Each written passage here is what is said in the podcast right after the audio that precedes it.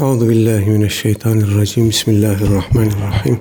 Elhamdülillahi rabbil alamin. Essalatu vesselamu ala resulina Muhammedin ve ala alihi ve ashabihi ecmaîn. 241 numaralı rivayette kalmıştık geçen hafta. An Ebi Umare el-Bera ibn Azib radıyallahu anhuma kal Resulullah sallallahu aleyhi ve sellem bi seb'in ve nehana an seb'in. أمرنا بعيادة المريض واتباع الجنائز وتشميت العاطس وإبرار المقسم ونصر المظلوم وإجابة الداعي وإفشاء السلام. ونهانا عن خواتيم أو تختم بالذهب تختم بالذهب وعن شرب بالفضة وعن المياسر الحمر وعن القسي وعن لبس الحرير والاستبرق والديباج متفق عليه وفي رواية وإنشاد الضالة في السبع الأول Bera bin Azib radıyallahu an diyor ki Resul-i Ekrem aleyhissalatü vesselam Efendimiz bize yedi şeyi emretti ve yedi şeyi de sakındırdı. Emrettiği şeyler emerana ve iyadetil maridi hastayı ziyaret etmek. Mümin kardeşinin hastalandığında onu ziyaret et anlamında. Ve tibail cenaiz cenazeyi teşhi etmek, kabre kadar cenazenin arkasından gitmek. Ve teşmitil atısı aksırana yerhamukallah demek. E, bu arada e, dilimizde bu çok yaygın bir şey onu söyleyeyim. Yerhamukallah Allah sana merhamet etsin demek. O da yehdike yehdina ve yehdikumullah der karşılık olarak. Yehdina ve yehdikumullah. Allah bize de size de hidayet versin der. Ee, bu Arapça erkeğe hitaptır. Yerhamukallah erkeğe hitaptır bayan aksırdığında ona yarhamu killah diyeceğiz. Kefin kesresiyle yarhamukallah dersek bir Arap'ın yanında Arap bize güler. Dolayısıyla bayan aksırdığında yarhamu killah diyeceğiz. İster bu kelimeyi söyleyen erkek olsun ister bayan olsun fark etmez. Yarhamu killah diyeceğiz. Ee, olur ama böyle durumlarda esas orijinali muhafaza etmek evladır. Dil dönmezse yarhamukallah Allah sana merhamet etsin denir. Ve ibraril muksimi yemin etmiş bir kimseyi yemininde e, ibra etmek, yemininde yalancı çıkarmamak ve nasril mazlumi mazluma yardım etmek ve icabeti da'i davet edene icabet etmek. Ee, ve ifşa selami selamı yaymak. Bunlar yedi şey. Emredilen yedi şey. Ee, hasta ziyareti ne kadar yapılmalı, ne ölçüde yapılmalı? Bir kere yapılması e, farz-ı kifayedir. Bir mümin kardeşimiz hastalandı eğer onu ziyarete hiç kimse gitmezse herkes sorumlu olur. Dolayısıyla bir sefer de olsa ziyarete gitmek lazım. Bir grup da olsa ziyarete gitmek lazım. Elbette hastanın bulunduğu yerdeki mekan, oranın şartları, imkanları bunları da göz önünde tutmak lazım. Bunun asgarisi hastanın yanına gitmek, selam vermek, ona şifa dileğinde bulunmak, Aleykümselam. Şifa niyazında bulunmak ve ona moral vermek. Efendim bunlar Aleyhisselatü Vesselam Efendimizin de sünnetinde uygulamasında gördüğümüz şeyler.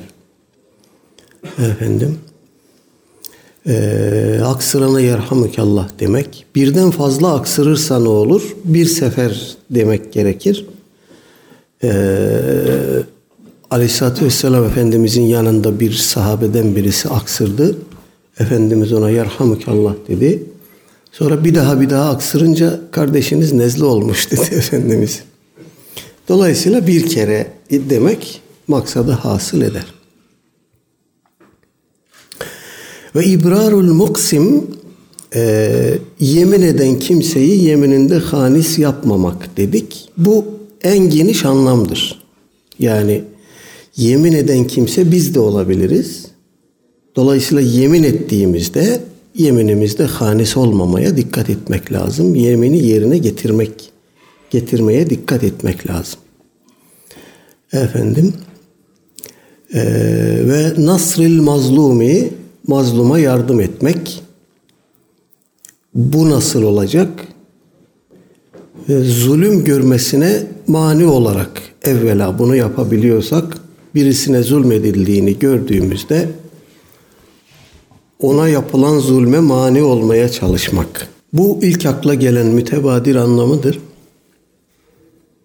Ee, hak arayışında mazluma yardım etmek de bu kabildendir.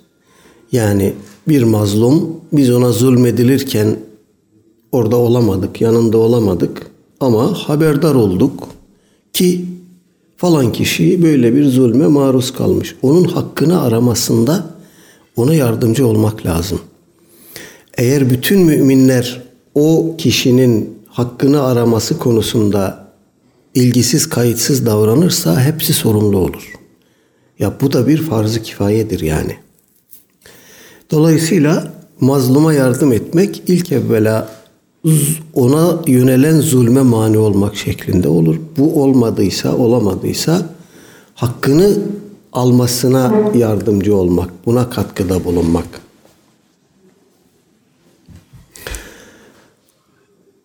Ve icabeti da'i davete davet edene icabet etmek. Bu yemek daveti olur, başka bir şey olur. Efendim, davete icabet gerekir. Ve ifşa selami, selamı yaymak. Burada da dikkat etmemiz gereken bazı hususlar var. Selam verilecek kimseler var, selam verilmeyecek kimseler var. Bir kere e, ister mümin olsun, ister tanımadığımız birisi olsun, tanıdığımız bir mümin veya tanımadığımız birisi olsun, ona hüsnü zanla mümin muamelesi yapıp selam vereceğiz ama e, şu hallerde selam verilmez. Kişi defi hacet görüyorsa, büyük ya da küçük abdest bozana selam verilmez. Kur'an okuyana selam verilmez. Efendim bir erkek tanımadığı bir bayana selam vermez. Efendim e, namahremse zaten onunla e, selam kelam muhabbetine girmemesi lazım. En doğrusu bu. Efendim ama tanıdıksa ve akrabaysa selam vermekte bir beis yok. Gayrimüslimlere selam verilmez. Efendim bir günah işlemekte iken gördüğümüz birisine de selam verilmez. Yani baktık ki adam içki içiyor mesela selam verilmez. Bu gibi durumlarda selam vermemek gerekir. Bunun dışında mümin mümini gördüğünde selam vermelidir. Mümin olduğuna hüsnü ettiğimiz, kanaat getirdiğimiz kimselere de isterse tanımadığımız birisi olsun selam vermek gerekir. Selam veren Esselamu Aleyküm dediyse selam alan da bir kelime fazla söyleyecek. En az bir kelime. Ve Aleykümselam ve Rahmetullah diyecek mesela. Selam almayana almıyor. Almıyorsa vermeyeceğiz. Çok insan karşı. Bir meclise girdik, selam verdik, almadılar. Kendi selamımızı kendimiz alırız. Veyahut da bildiğimiz bir şahıs. Selam almadığını biliyorsak vermeyeceğiz tabii ki. Çünkü selam neticede bir duadır. Adam bana dua etme diyorsa keyfim bilir demek lazım. Yemek yiyen yemek yiyen Selam verilmez. Evet yemek yiyene de selam verilmez. Bir de eve girdik. Evde kimse yok. Biz ve melekler var. Başka kimse yok. Nasıl selam vereceğiz? Esselamu aleyna ve ala ibadillahi salihin diye selam vereceğiz. Hem kendimize hem de meleklere selam vermiş olacağız. Eğer Esselamu Aleyküm ve Rahmetullah dediyse karşımızdaki biz de selam alırken ve Aleykümselam ve Rahmetullah en az böyle demeliyiz. Ama eftal olan ve Rahmetullah'tan sonra ve Berekatuhu demek selam verene bir kelime ilave ile ziyade ile mukabelede bulunmak. Evet ve nehana an havatime ev tahattumin bizzeheb. Aleyhissalatü vesselam Efendimiz bizi yüzüklerden nasıl yüzük? Bizzeheb.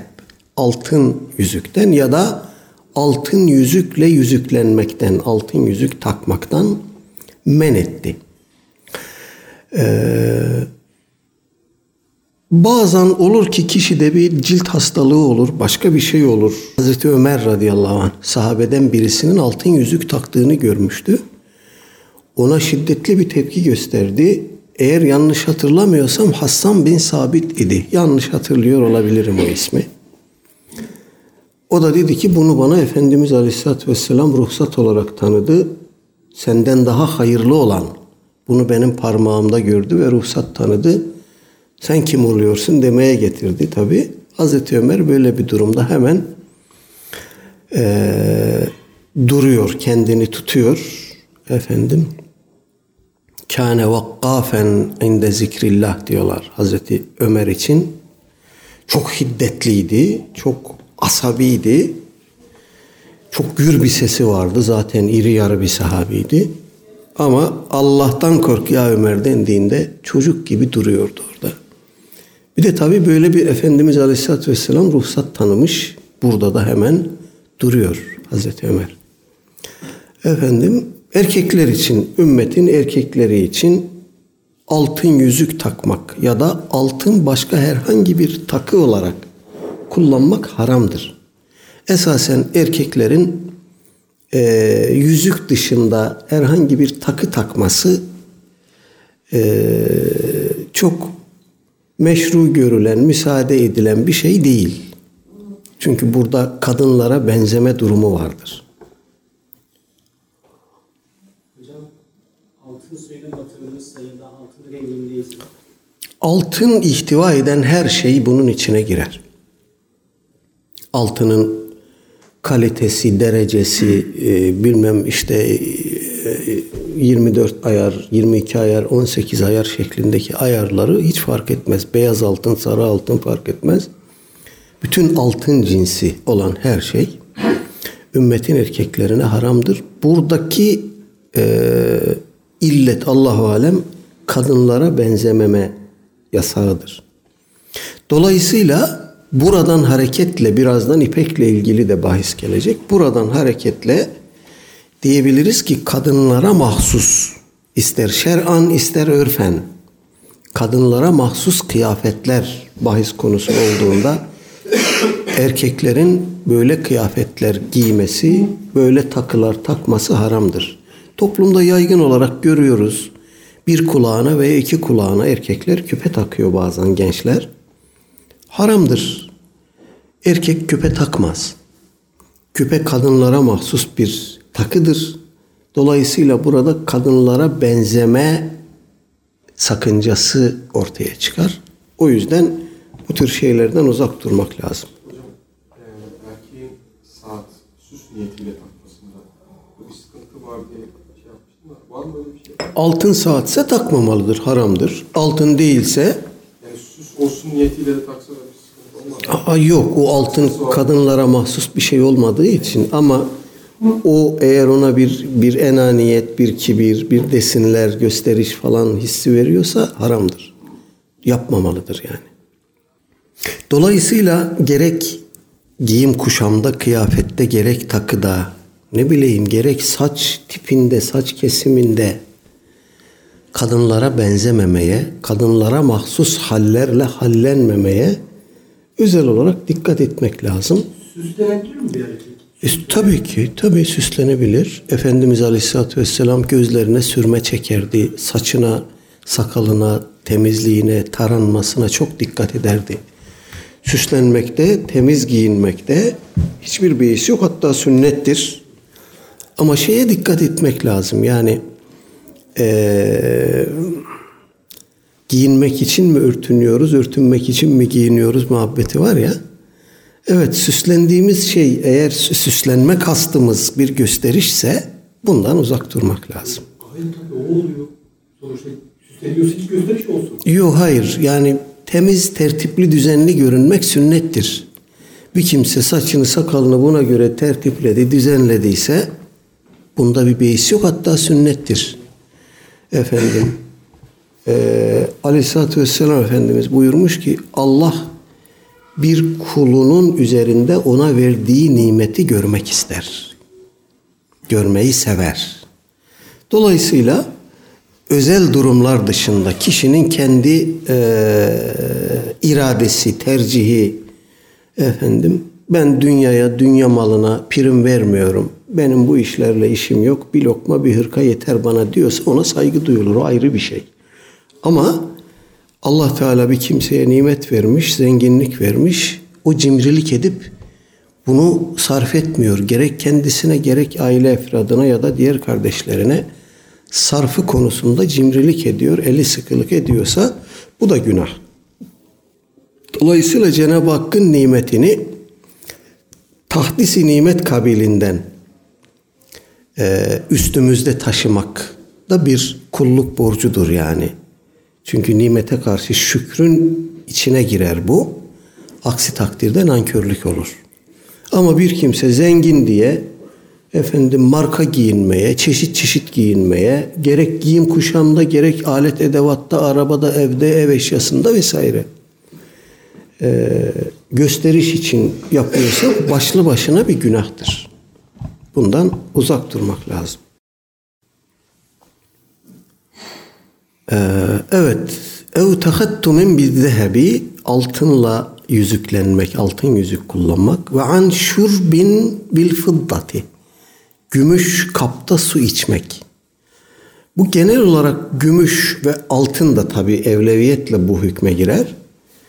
Ee, kapkacakta kullanılmamalıdır. Altın ve gümüş kapkacakta kullanılmamalıdır. Buradaki nehyin kapsamına bütün kapkacak girer. Efendim ve an meyatiril humri bu e, binek hayvanının üzerine, semerin üzerine konan işte onu yumuşak bir zemin haline getirmek için minder diyelim biz buna. Onun içerisinde eğer ipek varsa e, demek ki burada bir kırmızılık da veriyormuş ipek ona ki buradaki humur kelimesinden onu anlıyoruz. Yani eğerlerin üstüne konan ipekli minder. Bundan da sakındırmış aleyhissalatü vesselam Efendimiz. Ee, bu illa kırmızı olmayabilir, beyaz olur, başka bir şekilde olur. Gene bu da aynı yere çıkıyor. Yani bindiğimiz hayvanı eğerlemek, semerlemek evet eşyanın tabiatından ama ona ipekli efendim e, rengarenk yanar döner bir e, ilavede bulunduğumuzda gösterişe giriyor bu. Bir de ipekli olunca o da genel olarak ipek e, yasağının kapsamına giriyor.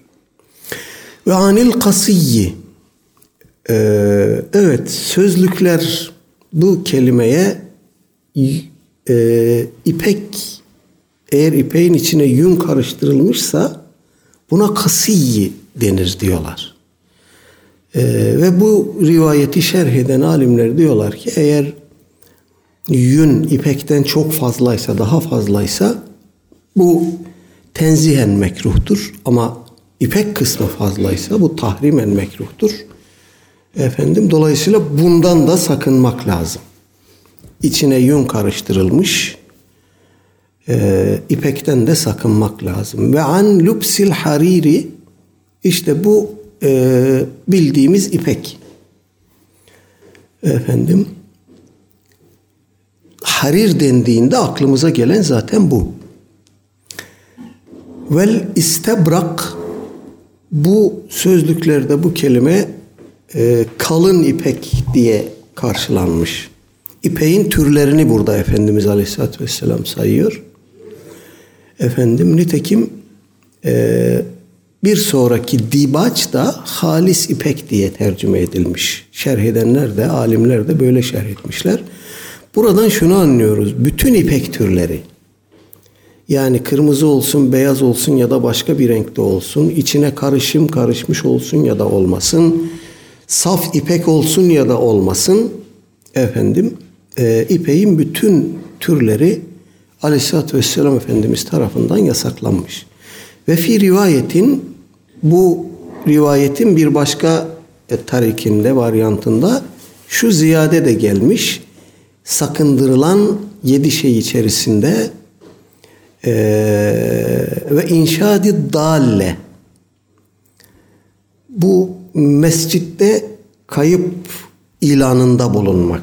Ey ahali ben cüzdanımı kaybettim gören var mı?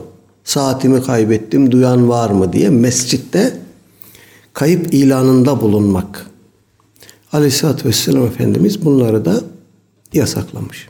Evet böylece bir e, bölümü daha bitirmiş oluyoruz. Yeni bir bölüm başlıyor. Babun fi setri avratil muslimine ve nehy an işaatiha li gayri daruretin. bir bir e, ilke ihtiva eden İslami bir kaide ihtiva eden bir bölüm. Müslümanların ayıplarını gizlemek ve zaruret olması hali dışında Müslümanların ayıplarını, kusurlarını yaymaktan sakınmak, sakındırmak. İmam Nevevi merhum burada bir tane ayeti kerime zikretmiş. Nur suresinin 19. ayeti. Bismillah. İnnellezîne yuhibbûne en teşi'al fâhişetu fillezîne âmenû lehum azâbun elîmun fid dünya vel âhire. Hiç şüphe yok ki fahişenin iman edenler arasında yayılmasından hoşlananlar için e, dünyada da ahirette de acıklı bir azap vardır. Fahişenin ümmeti Muhammed arasında yayılması, yaygınlaşmasından hoşlananların, bunu arzu edenlerin göreceği muamele dünyada da ahirette de elim acıklı bir azaptır. Bu ayeti kerime e, ifk hadisesi hakkında inmiştir. Efendim e, hadisenin detaylarına girmeyeceğim. Hepiniz biliyorsunuz. Hazreti Ayşe radıyallahu anha validemizin başından geçen çetin bir imtihandır bu. Efendim ve bizzat Cenab-ı Hak tarafından Hazreti Ayşe annemiz tebriğe edilmiştir. Burada da onun arkasından gelen e, hükümler bağlamında bir ayeti kerime var. Efendim ve ayeti kerime bize diyor ki her ne kadar e, ifk hadisesi özelinde inmişse de bu ayeti kerime hükmü geneldir. Zira ayetin mantukundan da anlıyoruz ki en teşi'al fahişetu fillezine amenu iman edenler arasında. Dolayısıyla hangi coğrafyada, hangi tarihte, nerede ve ne surette olursa olsun iman edenler topluluğu varsa bu ayet-i kerimede orada hükmünü yürütür. Dolayısıyla bu dünya ve ahiret azabı da aynı şekilde her tarih ve coğrafya için geçerlidir. Buradaki fahişe e, tabiri e, ne anlam ifade eder? Müfessirler bunun üzerinde durmuşlar detaylıca. Fahişe kelimesine yüklenen anlamları zikretmişler. Bunlardan birincisi hadsizlik, haddi aşmak, haddi tecavüz etmek. İkincisi ahlaksızlık. Ahlaksızlığın her türü, her türlüsü. Efendim. Üçüncüsü daha dar anlamıyla olanı bizim işte fuhuş dediğimiz, fahişe dediğimiz ahlaksızlık, fuhuş dediğimiz ahlaksızlık türü. efendim eee, en genel çerçevede Kur'an ve sünnetin ayıpladığı, zemmettiği, kötülediği, sakındırdığı ve düşüklük ifade eden şeyler. Yani bir karakter bozukluğu, bir ahlak yozlaşması ifade eden her türlü denaet fahişe kelimesinin anlam dünyası içerisinde kendisine yer bulur. Bu ayeti kerime bize diyor ki ümmeti Muhammed arasında bu tarz şeylerin yayılmasından hoşlananlar. Bunu yapanlar değil bakın. Bu tür şeyleri yayanlar değil.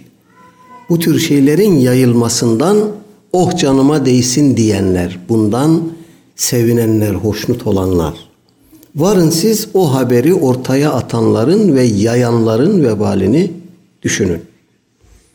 Bundan hoşnut olanların vebali hem dünyada hem ahirette elin bir azap ise bu şenaeti ortaya atanların yayılmasına vesile olanların vebali elbet bundan kat kat fazla olacaktır. Burada e, bahis konusu olan şey, fahişe kavramıyla ifade buyurulan şey e, vuku bulmuş da olabilir, vuku bulmamış da olabilir.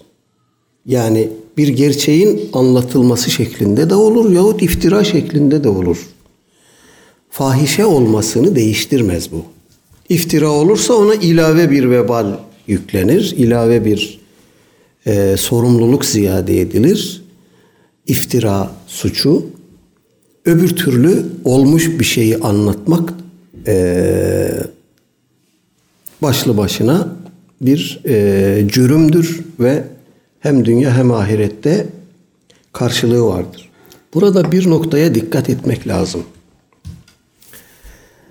Biz biliyoruz ki e, had cezaları kefarettir.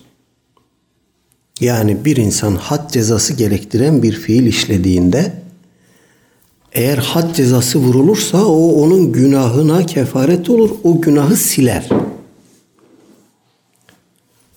Fakat burada bu fahişenin ümmeti Muhammed arasında yaygınlaşmasından hoşlananlara dünyada da bir ceza var. Ahirette de. Müfessirler diyorlar ki burada dünyadaki cezadan kasıt haddir. Buna had vurulur. Ya da tazirdir. Tazir cezasıdır. E cezalar günahlara kefarettir. Dünyada bu adam cezasını gördü. Peki ahirette niye tekrar ceza görecek?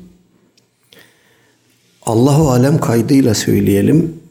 Ümmetin tamamını ilgilendiren bir durum olduğu için ee, orada onun had ya da tazir cezasına çarptırılmış olması tecavüz ettiği bütün hukuku karşılamıyor demek. Ümmeti Muhammed'in kamunun e, tamamını ilgilendiren, zan altında bırakan ya da ayıbını kusurunu faş eden bir insan e, işlediği bu suç efendim bütün toplumu ilgilendiren bir suçtur.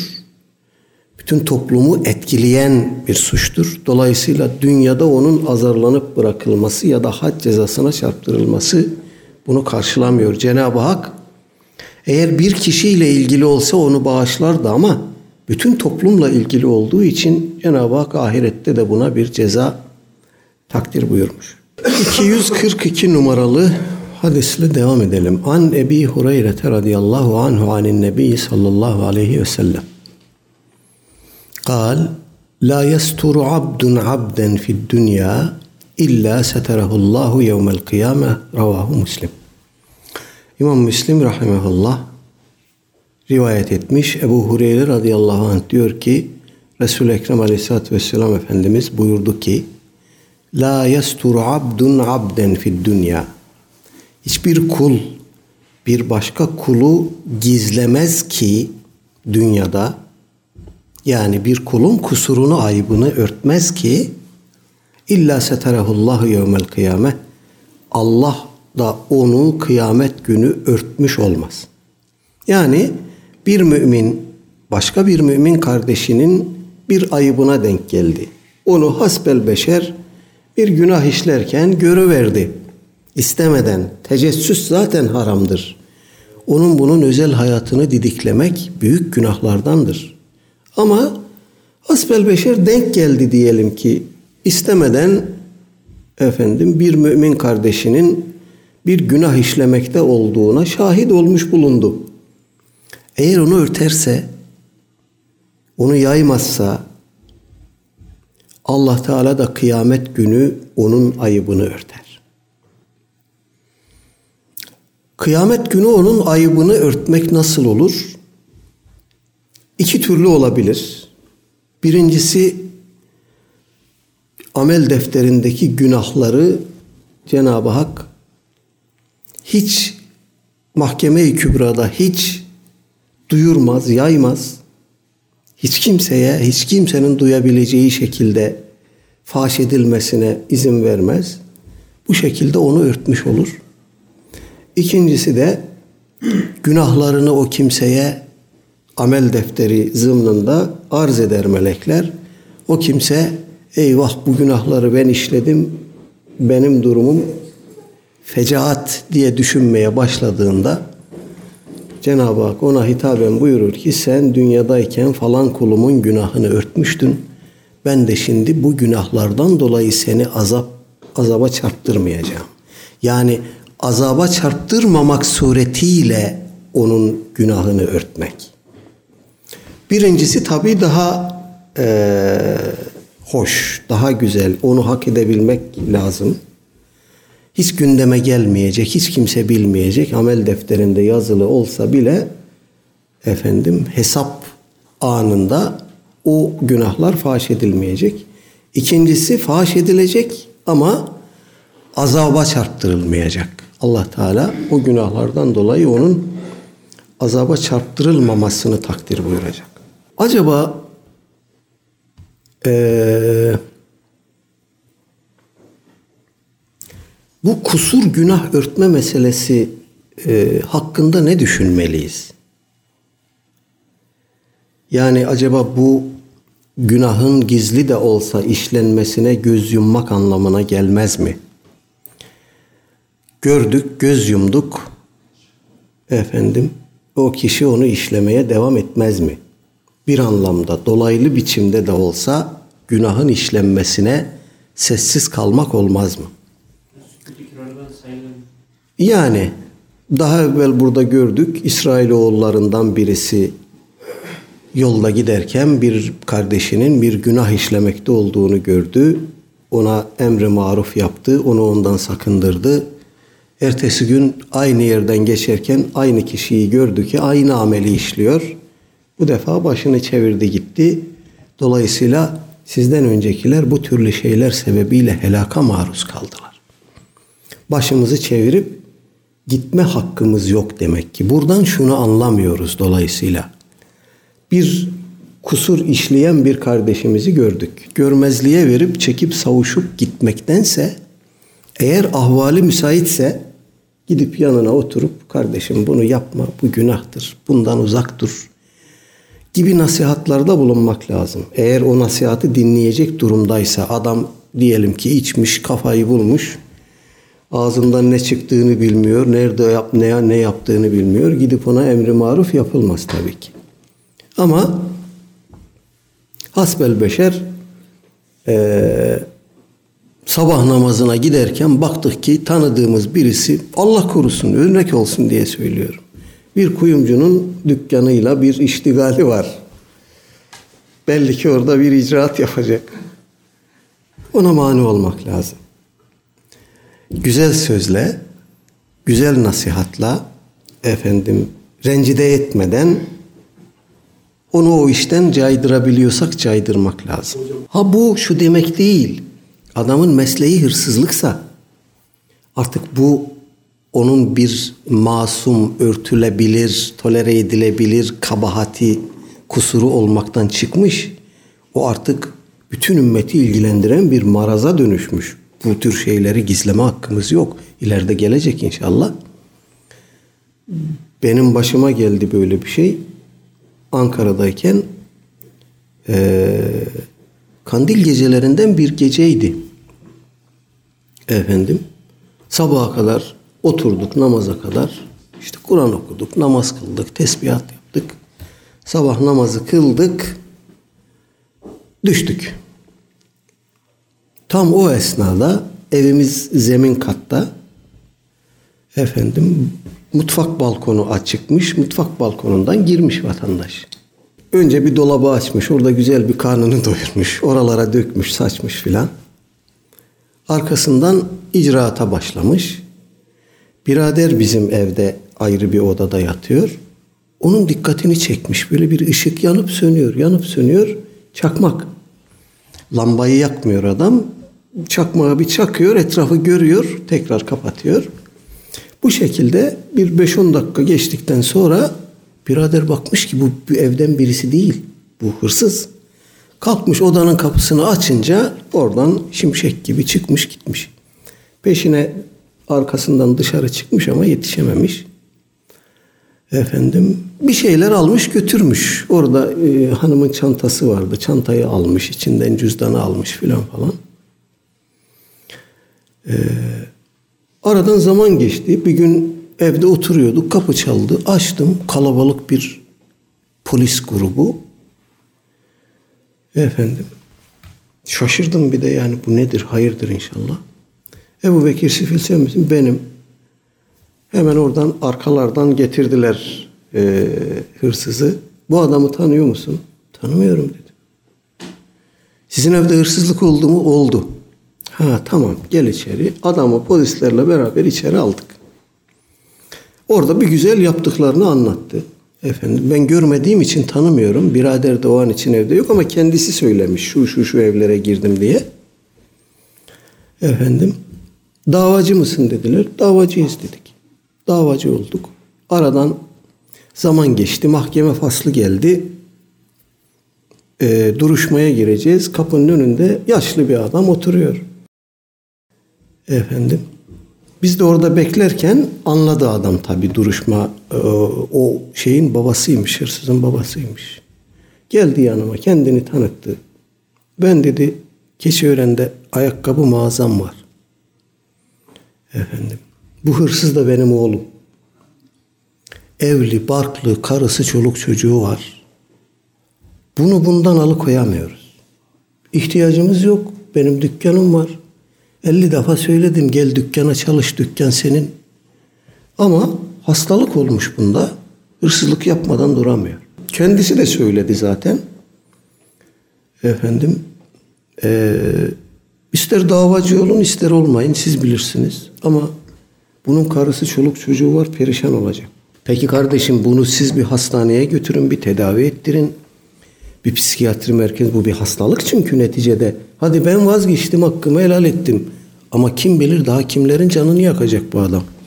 Hastaneye götürürseniz, tedavisini başlatırsanız bana da bunun belgesini getirirseniz olur.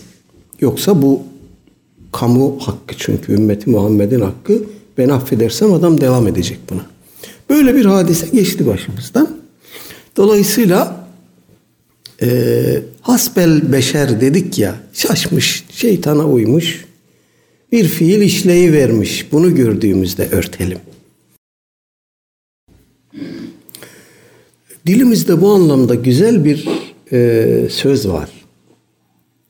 İbahat, e, ibadet de kabahat da gizli derler. Yani gizli yapılması, gizlenmesi tavsiye edilir. Kabahati gizli yaparsanız efendim kastetmeseniz bile maksadınız o olmasa bile reklamını yapmış olursunuz. Bir kabahati anlattınız, faş ettiniz, detaylandırdınız. Arkasından bir daha, bir daha, bir daha, bir daha bu bir yerden sonra reklama dönüşür. Yani toplumda bir yerden sonra meşrulaşmaya başlar bilinç altında. Toplum bir kabahati, bir münkeri meşrulaştırmaya başlar. Çünkü artık o kadar yaygın işleniyor ki toplumda bu bir normal şey haline gelmiş. İçki içilmesi böyledir mesela. O kadar yaygın işleniyor ki içki içmenin kötü bir şey olduğunu söylediğinizde bir yerde bir televizyon kanalında bir bilmem nerede Allah size yardım etsin. Evet bu ayıbın gizlenmesi, kusurun gizlenmesi yaygınlaşmasına mani olan bir şey. Bir etken. Ee, böyle bir hikmeti var. İlleti bu mudur? Budur diyemem ama hikmeti Allahu alem budur. Söylendiğinde, açığa vurulduğunda e, yaygınlaşma eğilimi var. Bu bir bulaşıcı hastalık mikrobu gibidir. Hızla yayılır. 243. hadis. Ve anhu ey an Ebi Hureyre radıyallahu anhu. Kal Semi'tu Resulullah sallallahu aleyhi ve selleme yakul Kullu ümmeti muafen illel mücahirine ve inne minel mücaherati أن يعمل الرجل بالليل عملا ثم يصبح ثم يصبح وقد ستره الله عليه فيقول يا فلان عملت البارحة كذا وكذا وقد بات يستره ربه ve yusbihu yekşifu sitrallahi aleyhi müttefekun aleyh. Evet gene İmam Bukhari ve Müslim rahimehumallah müttefikan nakletmişler. Ebu Hureyre radıyallahu anh diyor ki Semihtu Resulullah sallallahu aleyhi ve selleme yakul Efendimiz aleyhissalatü vesselamın şöyle buyurduğunu dinledim. Kullu ümmeti muafen. Ümmetimin tamamı affedilmiştir. İllel mücahirine. Mücahirler hariç. Mücahir e, kelimesini iki şekilde anlamlandırabiliriz. Birisi e, işlediği günahı, kusuru açığa vuran kimse, faş eden kimse. İkincisi de eğer mufaale kalıbında olduğunu düşünürsek birbirlerine ayıplarını, kusurlarını anlatan kimseler. İki şekilde de anlaşılabilir. Dolayısıyla ümmeti Muhammed'in tamamı affa uğramıştır. Ayıplarını, günahlarını açığa vuranlar hariç.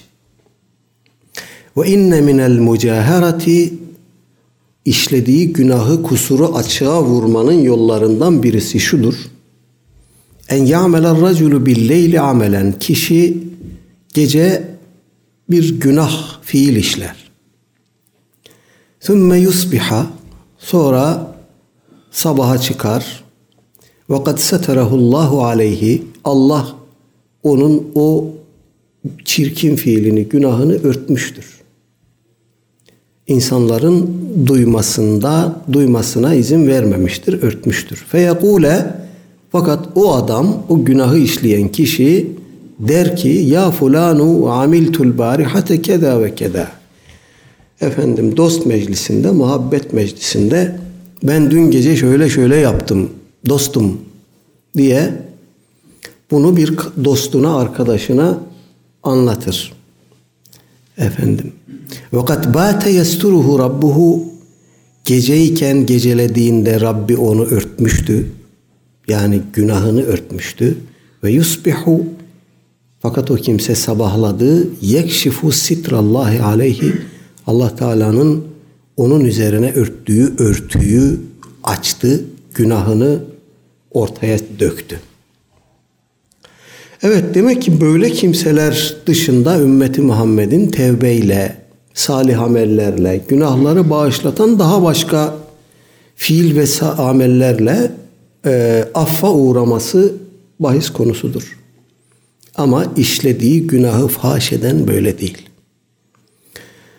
Allah Teala ona rağmen kişinin işlediği, gizli işlediği günahı örtüyor. Kimsenin duymasını istemediği bir günahı, normal bir insanın istemeyeceği bir günahı örtüyor ama kişi sabahleyin kalkıp bir marifet işlemiş gibi bunu dost meclisinde anlatıyor. İşte bunun affı yok. Günahı örtmek asıldır dedik, esastır dedik. Efendim, hasbel beşer bir kusur işlediğini gördüğümüz bir kardeşimizi durum müsaitse, ortam müsaitse emri maruf yaparak, nasihat ederek o işten vazgeçirmeye çalışmak lazım dedik. Efendim, ee, fakat aynı zamanda bunun ümmetin geneline dokunacak bir kusur, bir ayıp, bir nakisa olduğunu da unutmamak lazım. Allah dostlarından birisi öyle demiş. Bir kardeşinizi bir kusur işlerken, günah işlerken gördüğünüzde onu örtün, gizleyin. Eğer yayarsanız ümmetin günahını, kusurunu, ayıbını yaymış olursunuz. O, o adamın ayıbı olmaktan çıkar, ümmetin ayıbı olur. Çünkü biz bir ümmetiz. Hiç kimse kendisini ümmeti Muhammed'den addeden hiç kimse demek ki yaptığı bir eylemde, bir işte, bir fiilde ümmetten bağımsız değil. O bünyenin bir parçası. Hani Efendimiz Aleyhisselatü Vesselam buyurmuştu ya, mümin, Müslüman, Müslüman için bir binanın tuğlaları gibidir. Dolayısıyla ya da bir bedenin azaları gibidir. Dolayısıyla bir azadaki bir rahatsızlık, bir kusur bütün bedeni ilgilendirir. Bu önemli bir e, İslami haslettir. Ve anhu ey an Ebi Hureyre radıyallahu anhu. Kal Utiyen nebiyyur sallallahu aleyhi ve selleme bir raculin kad şeribe hamran. Kale idribuhu. Kale Ebu Hureyre radıyallahu anhu. فمنا الضارب بيده والضارب بنعله والضارب بثوبه فلما انصرف قال بعض القوم أخزاك الله قال لا تقولوا هكذا ولا تعينوا عليه الشيطان رواه البخاري İmam Bukhari rahimahullah nakletmiş gene bir Ebu Hureyre radıyallahu anh rivayeti diyor ki utiyen nebiyyü sallallahu aleyhi ve selleme bir raculin aleyhissalatü vesselam efendimize bir adam getirildi kad şeribe hamran şarap içmişti içki içmişti Kâle dribuhu Efendimiz buyurdu ki ona had vurun. Had cezası uygulayın. Kale Ebu Hureyre, Ebu Hureyre radıyallahu anh diyor ki feminne daribu biyedihi bunun üzerine biz ona vurmaya başladık. Feminne daribu biyedihi kimimiz eliyle vuruyordu. Ve daribu bi nalihi kimisi naliniyle, terliğiyle vuruyordu. Ve daribu bi tevbihi bir kısmı da elbisesiyle vuruyordu. Demek hırkasını çıkartmış, hırkasıyla vuruyor. Felemmen sarafe o e, kendisine ceza uygulanan kişi o iş bittikten sonra ayrılıp gittiğinde kâle ba'dul kavmi o toplumdan birisi dedi ki ahzakallah Allah seni rezil etsin. Allah cezanı versin. Efendim bunun üzerine Aleyhisselatü Vesselam Efendimiz buyurdu ki La tekulu hakeda böyle söylemeyin. La tu'inu aleyhi şeytane kardeşinize karşı şeytana yardımcı olmayın. Ne kadar büyük bir nezahet görüyor musunuz? Birisi hasbel beşer içki içmiş. O işi de faş olmuş, duyulmuş ve ceza uygulanacak. Ceza uygulanmış, gitmiş. Efendim, birileri de kınamış onu. Şahsiyetine, haysiyetine laf etmiş. Onun öyle bir günah işlemiş olması ona böyle hitap etme hakkını bize vermiyor demek. Efendimiz Aleyhisselatü Vesselam'ın bu uyarısı son derece çarpıcı. Şeytana, kardeşinize karşı şeytana yardımcı olmayın. Siz böyle der onu dışlarsanız, rencide ederseniz kopar gider, tekrar işler. Onu dışlamayın. Onu alın aranıza efendim eee cezasını gördü, günahına kefaretini elde etti. Dolayısıyla onunla hukukunuz devam etsin. Kardeşiniz o sizin. Ama rencide ederseniz, refüze ederseniz, izzeti nefsine laf ederseniz adam bunu gurur meselesi yapar, kopar gider, başka başka fiiller de işler Allah korusun. Suça ve günaha teşvik etmeyin yani. Ne kadar önemli bir haslet. Evet. Allah Teala bize bu tür hassasiyetleri kavrayan ve bunlarla amel eden kardeşler olmayı nasip etsin.